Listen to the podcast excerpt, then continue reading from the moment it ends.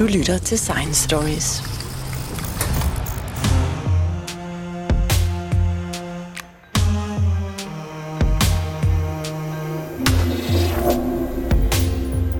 Det er i dag 25 år siden, at Danmark fik sin første satellit og for alvor blev en rund nation.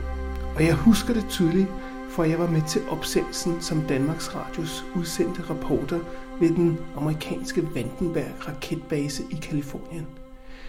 En anden, som var med for 25 år siden, er Per Lundahl Thomsen fra DTU Space. Og Per Lundahl Thomsen, hvor kom ideen til Ørsted-satellitten fra? Det er faktisk svært at sige, fordi det der, øh, det der skete var, at der var utrolig mange ting, der sådan passede sammen. Et var, at industrien faktisk siden midten af 60'erne i Danmark havde øh, arbejdet med del-del-systemer og følte, de var modne til at, at, at komme et, et step op ad rangstigen og, og arbejde med hele delsystemer. Og der var øh, øh, den industri, der var i Danmark på det tidspunkt, det var, det var CRI, og det var Therma, og det var Per Utsen, og det var Innovation, som i dag hedder Danish Aerospace Company. Øh, og og, og de, de, de var sådan relativt gode til at tale sammen, og de, Jens, Jens Langeland ude fra, fra, fra CRI dengang, han var, øh, han var rigtig god til sådan at, at, at, at, at få folk til at snakke sammen. Så de snakkede om, at det her med at bygge en satellit, at det kunne være, det kunne være en idé på, for, at, for Danmark for at komme lidt op ad rangstigen i forhold til det her med at få, få en større lunds af kagen i ESA. Og så øh, øh, var der også på den videnskabelige side øh, øh, kræfter, øh, altså Ejgil Friis Christensen, som desværre ikke er med os mere i dag, han, øh, han øh, havde jo arbejdet med magnetfeltet i mange år, og Danmark har en rigtig lang tradition for at arbejde med magnetfeltet. Og øh, de hungrede, hele den gruppe, efter øh, data fra øh, omkring øh, måling af jordens magnetfelt.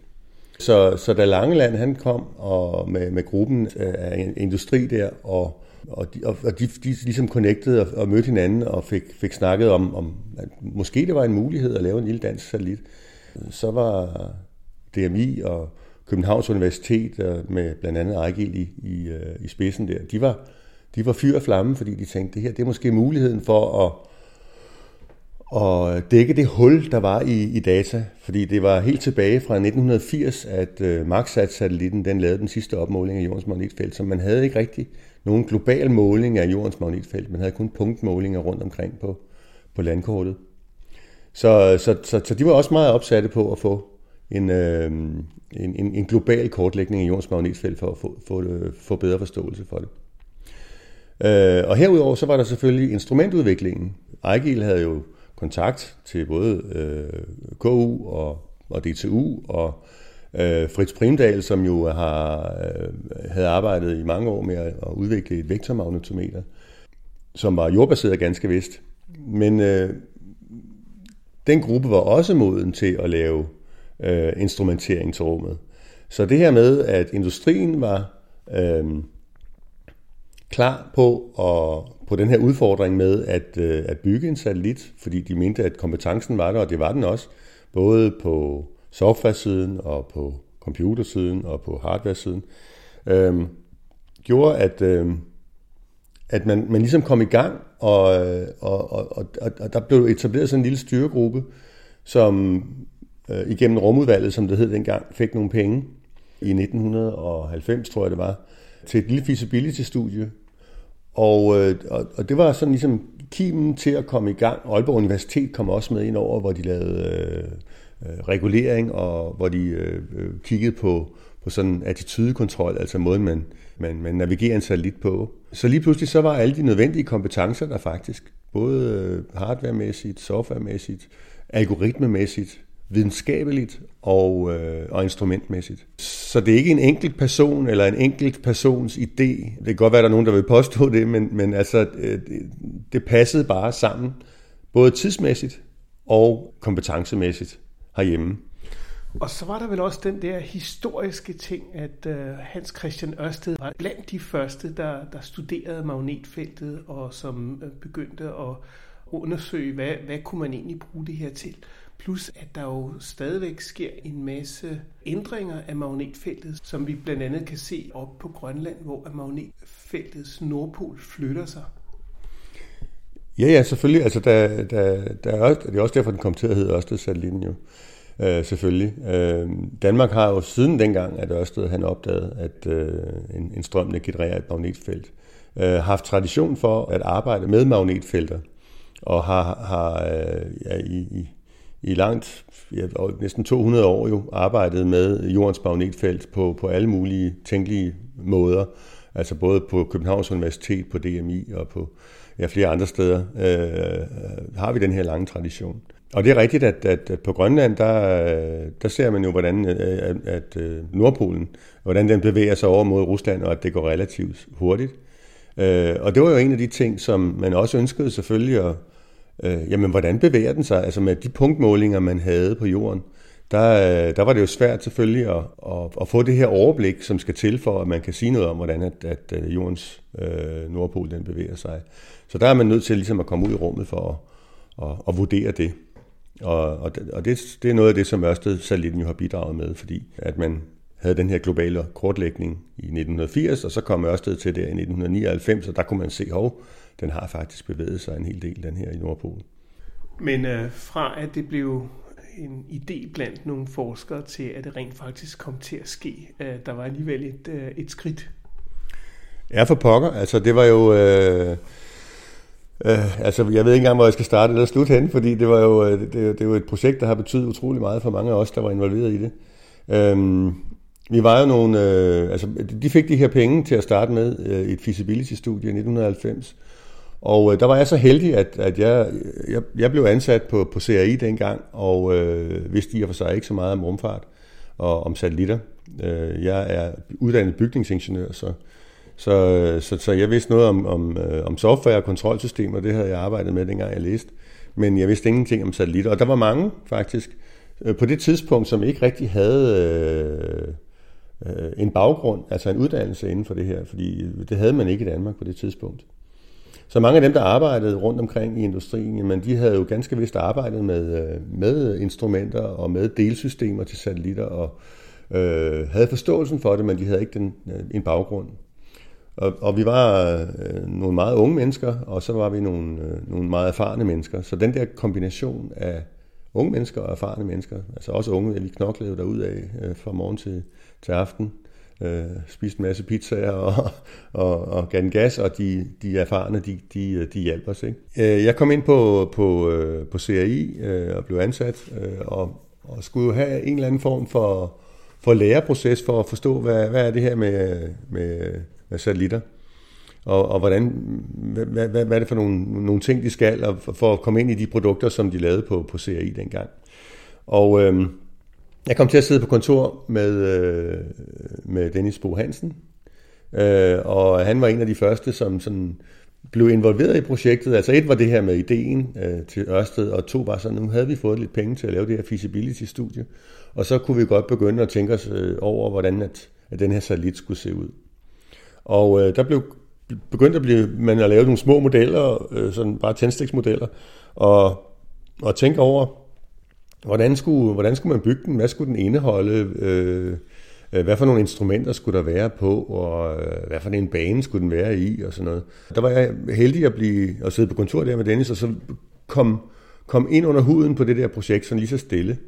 Øh, blandt andet så var det sådan noget med, øh, kan, du ikke, kan du ikke finde en raket til os? Øh, og jeg var sådan lidt, øh, åh, altså, der var jo ikke noget internet på det tidspunkt, så det var jo bare at øh, gribe knoglen og så prøve at ringe rundt til folk og finde ud af, jamen, øh, øh hvordan får man fat i sådan en? Altså, øh, det var jo ikke lige øh, det, jeg havde prøvet før, men, øh, men det var, det var smadret sjovt. Eller, der var nogen, der talte om, at man, øh, det her med GPS, kan man bruge det i rummet til at finde en position? Vi vidste godt, at, at, at man skulle have en nøjagtig position for at få, øh, få, øh, få, få de her målinger til øh, stedfæstet øh, omkring jorden. Så, så det her med at bruge en GPS i rummet, kunne man det? Så en lille opgave, der sådan, gå ud og finde en GPS, der virker i rummet. Og så var det med at kræve knoglen igen og ringe rundt og finde ud af, pff, altså man kunne jo kigge i, i de forskellige øh, fagblade, men, men, men det var jo ikke som i dag, hvor man kan bare søge på internettet, og så kan man stort set finde alting. Så, så det var sådan noget med at ringe rundt, og, og, og så fik jeg så fat i Trimble Navigation i, i USA. Og øh, jeg fik også tilfældigvis fat i det amerikanske militær og, og, og Delta 2-raketten øh, på et tidspunkt, efter at have, have ringet rundt rigtig mange, øh, mange gange og mange steder. Øh, og, og det var svært at finde ud af, hvem man skulle snakke med og sådan noget. Men øh, den, der, den der samtale, den, den, den, den, den kan jeg lige så tydeligt huske til, øh, til US Air Force, hvor at øh, ham der han sagde, ja, men øh, vi har den her Delta 2-raket, og vi har en amerikansk satellit, som, som er en militær satellit, der skal sendes op, men der er faktisk noget plads, som vi kan snakke om. Og så, så gik jeg tilbage til, til Jens Langeland der og sagde, nu har jeg snakket med ham her fra US Air Force, og, og, øh, og jeg kan huske, at Jens Langeland sagde til mig, ja, hvad vil du tænke, altså vi kan da ikke, vi kan da ikke sende en, en, en dansk satellit op med det amerikanske militær, hvad vil folk ikke tænke? Og, og så en dag så blev vi også kontaktet af, af, af NASA, fordi øh, hov, der var faktisk nogle danskere, der, øh, øh der arbejdede med at bygge en satellit, der skulle ud og, og, og, og måle jordens magnetfelt. Og det var hele den her gruppe fra, fra Maxat i 1980'erne, som ikke var lykkedes med at få en, en efterfølger til Maxat-satellitten.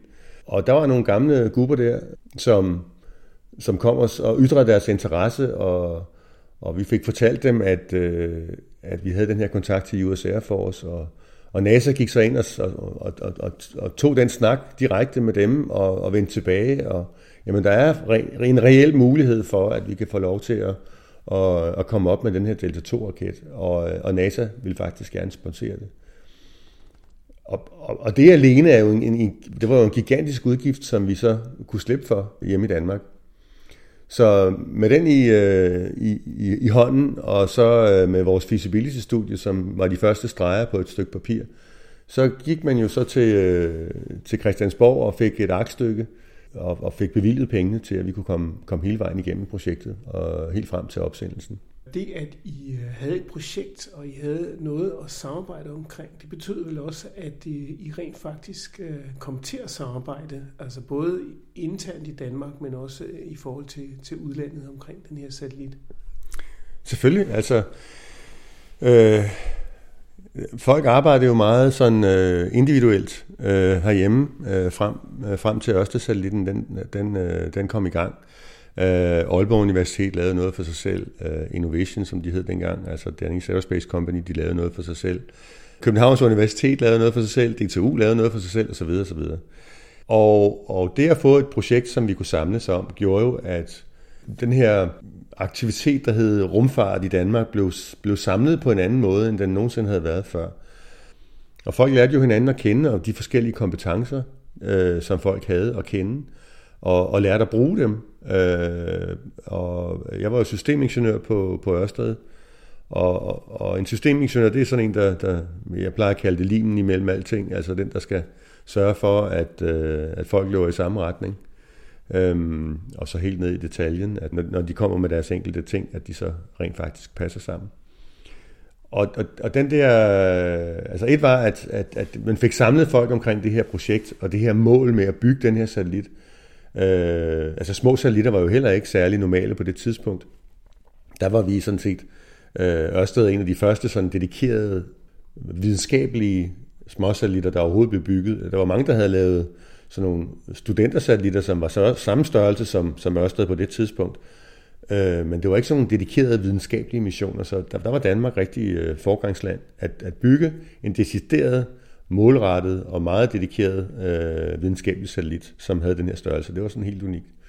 Og, og det der med så, at, at man havde det mål og fik samlet den der, de rigtige kompetencer, altså instrumenterne, øh, hardwaren og softwaren og øh, mekanikken, og øh, øh, det gjorde bare noget, noget, noget helt specielt. Altså, vi, vi havde en entusiasme blandt teamet, som var helt unik, og vi havde øh, en opbakning fra ledelsen af, af alle de her virksomheder og universiteter, og også inden fra, fra Christiansborg, som var helt, helt fantastisk, øh, og som gjorde, at vi havde det fundament, der skulle til for, at, og, at det her det kunne blive en succes.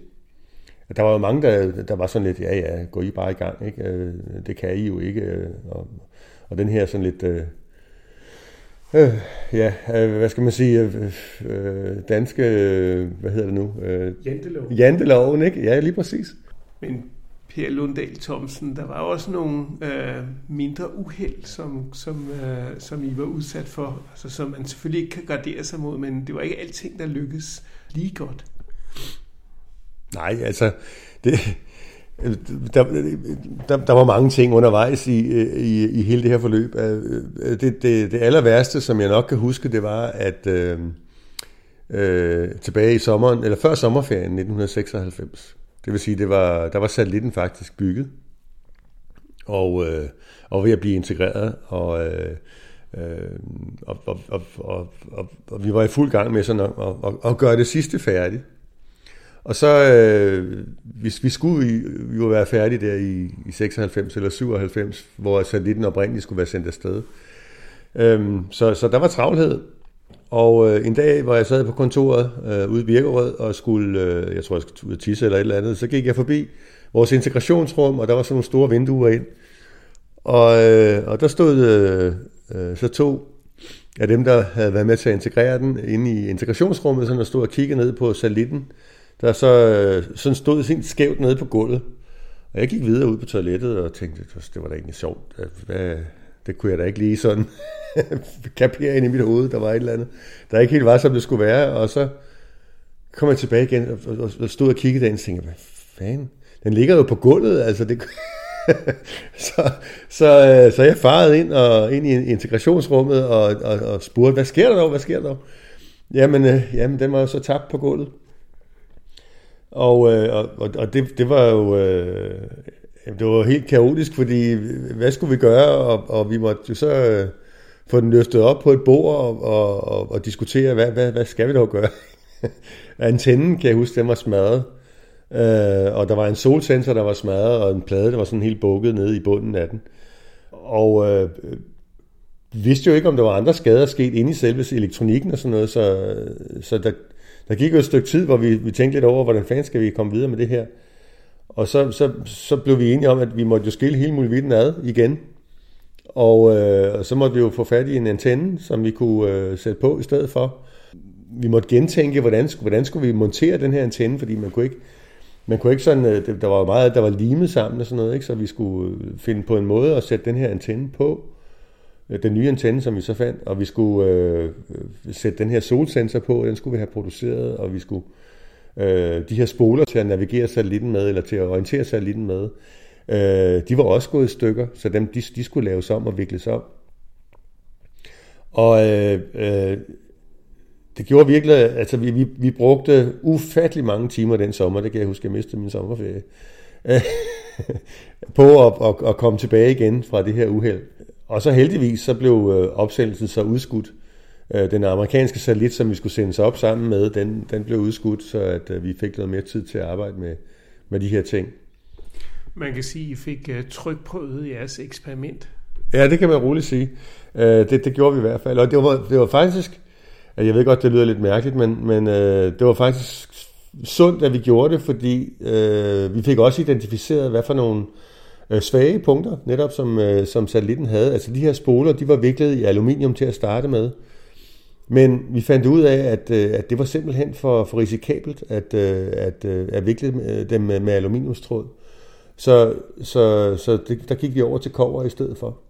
Øhm, og og det var, det var en, en rigtig god beslutning, og det havde vi aldrig nogensinde opdaget, hvis det var, at, øh, at det her det ikke var sket. Så, så det havde også sin gode side, men det var godt nok frustrerende, da det var, at det skete. Og øh, det var, det var, ja, det var, det var en, en meget, meget unik øh, periode, det var det virkelig, at, at være med til at bygge den her øh, og designe den.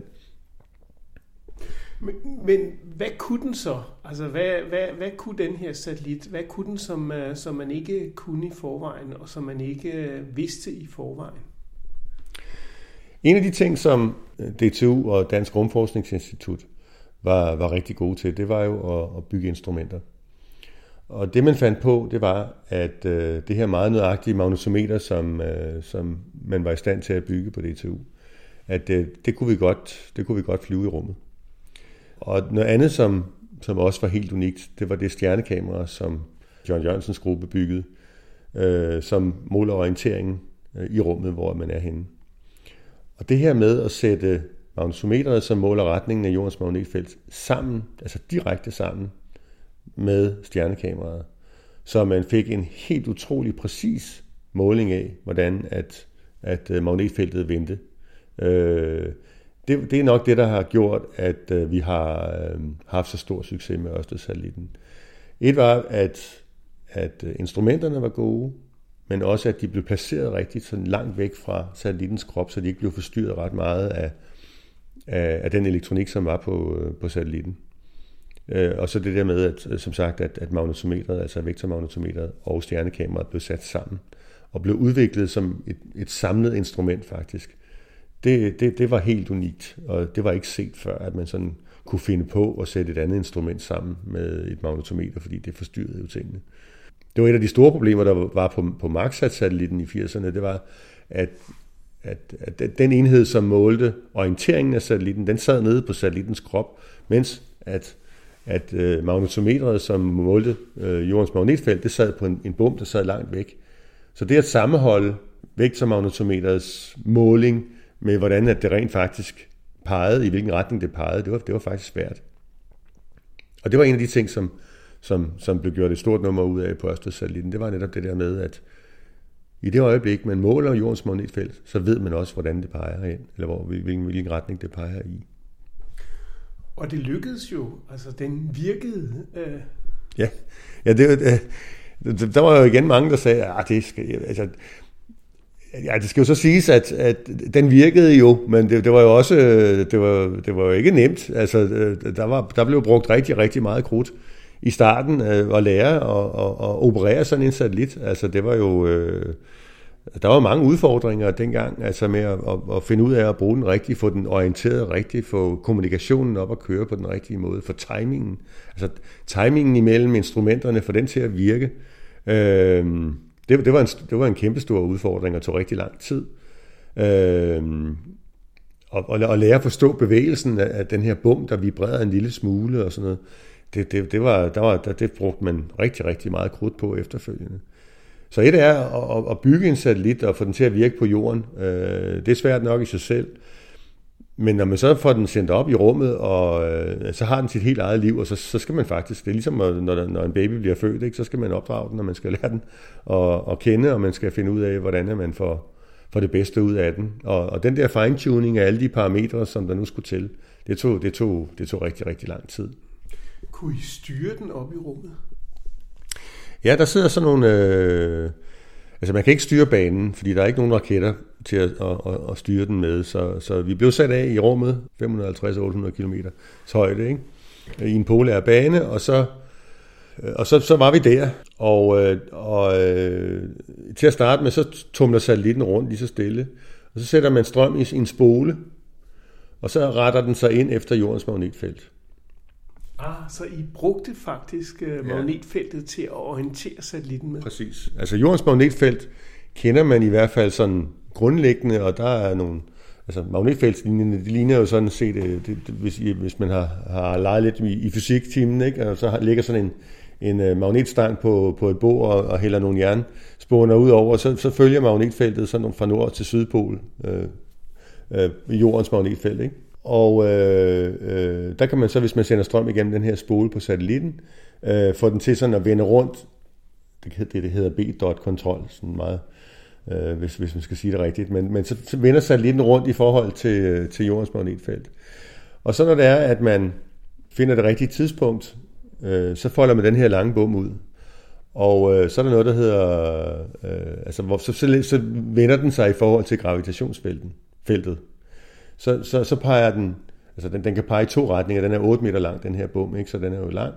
Så enten så peger bommen øh, ud af mod universet, øh, og, og selve satellittens krop indad mod, mod jorden, eller også så vil den være stabil, og så vende øh, kroppen ud af mod universet, og så bommen indad mod jorden. Det var de to stabile tilstande, der sådan set var. Så det var med at vælge det rigtige tidspunkt, hvor man kunne folde bommen ud, øh, således at, at kroppen vendte indad, og antennerne vendte indad mod jorden, så man havde nemmere ved at kommunikere med den. Og der var vi altså heldige at gøre det i første hug. Men det skal så siges, at de her spoler, som, som jeg nævnte før, at de var, de var designet til, at man kunne, hvis man var uheldig, at den kom til at vende forkert, så kunne man så øh, vippe den frem og tilbage, så man kunne få vendt den rundt. Så der var, altså de var, de, der var så meget øh, hvad hedder det, kapacitet i dem, at man rent faktisk havde mulighed for at, at vende satellitten rundt i tilfælde af, at, at man fik vendt den forkert til at starte med.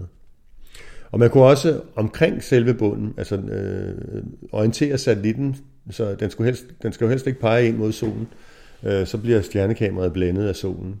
Så det, det, det der stjernekamera, som man brugte til at orientere øh, magnetometeret med, det, det skulle pege væk fra solen. Øh, og med det her spolesystem, som vi havde, så kunne man øh, orientere satellitten cirka inden for plus minus 10 grader. Øhm, ja. Men verden, verden var også øh, meget anderledes dengang. Altså jeg kan fortælle, at jeg var jo sendt ud af Danmarks Radio for at følge opsendelsen. Og der ankom jeg jo så dagen før, at, øh, at opsendelsen skulle finde sted, hvor der var et pressemøde, som jeg var ved at komme for sent til. Og jeg ankom øh, i den modsatte ende af Vandenbergbasen, som altså er kæmpestor. Der, der er, er virkelig mange kilometer fra den ene til den anden ende. Og, øh, og så blev jeg stoppet der øh, ved porten og er sådan en, en, øh, en relativt ung øh, soldat.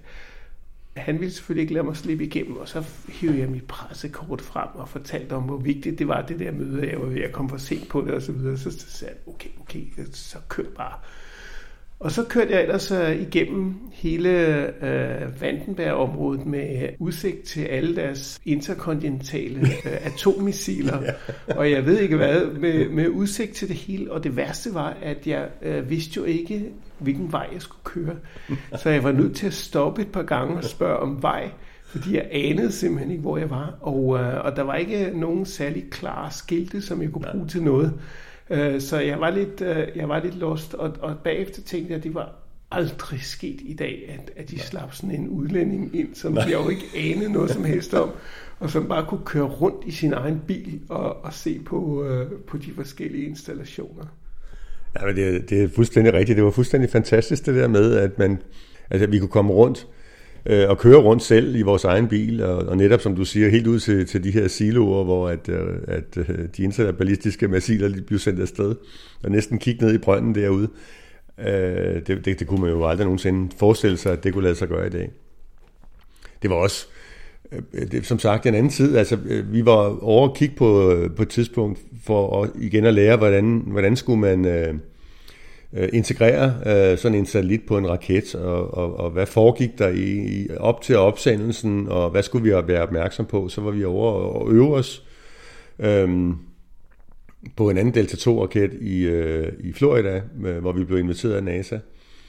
Og øh, der fik vi simpelthen øh, en med alle de her badges, de rigtige badges på, ikke? Og, og vi, kom, øh, vi kom ind alle steder. Ikke? Altså, det var da rumfærgen, rumfærgen var aktiv, og vi var inde og se øh, øh, uh, Discovery rumfærgen, ikke? og uh, jeg var oppe i cockpittet uh, på Discovery rumfærgen, op om i hvad hedder det, lastrummet, og inden under Discovery rumfærgen, ikke? altså at se uh, alle de her tiles, og, altså, det, det kunne man slet ikke forestille sig, at man fik lov til at komme så tæt på, og, og, og som udlænding i dag. Så det, det, gav, det, det, det var meget mere frit og meget mere åbent, øh, end, end det er nu om dagen. Øh, og gav nogle fuldstændig fantastiske oplevelser selvfølgelig. Men I fik sendt satellitten op, den virkede, og, øh, og så kom den faktisk til at virke i rigtig mange år. Og øh, I fik den til at, at måle også, hvad der skete øh, med magnetfeltet over længere tid. Ja, det gjorde vi. vi det, jamen, det var meningen, at den skulle virke i, øh, i 14 måneder, og, og øh, havde den virket i 14 måneder, så havde alle jo været glade. Der var også mange, der spåede, at den slet ikke ville virke. Så, så det her med, at, øh, at vi havde så utrolig god tid til at, at fine-tune tingene og få det til at spille, øh, og, og, og, og brugte den tid, der skulle til, det, øh, det, var, det var jo fuldstændig fantastisk, at vi fik lejlighed til det. Og så virkede den jo helt, altså den tog målinger helt frem til 2013. Øh, den blev sendt op i 99, ikke? Så, så det var 14 år, at den rent faktisk fungerede som videnskabelig satellit. Så vi fik nogle rigtig, rigtig lange tidsmålinger og, og ufattelig meget data. Og den virkede helt frem til, at øh, øh, ESA-satellitterne, der hedder Swarm, at de blev sendt afsted. Så der blev ikke det her hul i data, som der var fra MaxSat blev, blev sendt op og virkede, og til Ørsted kom. Der var jo et, et hul på, på næsten 20 år. Så, så det her hul, det, har, det, er, det, det, det eksisterede sådan set ikke, så man har, har kontinuerlige målinger helt fra Ørsted blev sendt op, og helt til nu, og fortsætter også et stykke tid nu, fordi Swarm-satellitterne, de virker stadigvæk, selvom de, de, de blev sat op i 2013, så de har faktisk 10 års jubilæum lige om lidt. Og Swarm-satellitterne, det var så en, en videreudvikling, hvor man havde tre satellitter, der virkede sammen til at, at måle magnetfeltet. Ja, det var det. Ørsted, instrumenteringen gjorde, at man i Tyskland så, hov, øh, dem der i Danmark, de, øh, de, de kan noget. NASA så, hov, dem der i Danmark, de, øh, de, de kan der noget med det her magnetfelt. Så vi fik faktisk lejlighed til at flyve øh, den her instrumentpakke på en argentinsk satellit, der hed SAC-C, som blev sendt op øh, et par år efter, at, øh, at Ørsted blev sendt op. Og vi fik lejlighed til at flyve instrumentpakken på en tysk satellit, der hed Champ. Og øh, det gav jo en utrolig masse konfidens i, jamen, vi kan rent faktisk finde ud af det her i, i lille Danmark. Øh, og øh, vi, vi øh, forestod så den her swarm-mission til ESA, som, som jo kunne se, hvor umådelig mange resultater, der var kommet ud af, at, at vi havde fløjet de her, altså Ørsted i særdeleshed, men også øh, SAC e og, og James-satellitterne. Hvor meget data og hvor meget videnskab, der kom ud af det, og hvor anvendelig den data den var. Så, så de to, de to de, altså de valgte Swarm øh, blandt, blandt rigtig mange, og prioriteret det som, som deres næste en af deres, øh, deres øh, store missioner. Så der har, der har Danmark virkelig haft en nøglerolle i, øh, i, i det her ESA-projekt. Og det er kun i kraft af Ørsted, at vi har haft det. Nu har jeg talt med en anden forsker, der var involveret i øh, Ørstedsprojektet, og som, som har arbejdet med det igennem en længere årrække. Så vi skal ikke øh, fortælle hele historien. Pierre Lundahl Thomsen, du skal have rigtig mange tak for at fortælle historien om, hvordan I fik startet Ørsted. Det var så lidt. Det var en stor fornøjelse.